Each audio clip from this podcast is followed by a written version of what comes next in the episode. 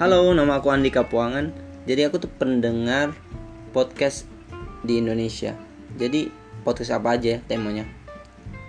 Jadi setelah aku dengar cukup banyak podcast, timbul pemikiran kenapa sih aku nggak buat podcast sendiri.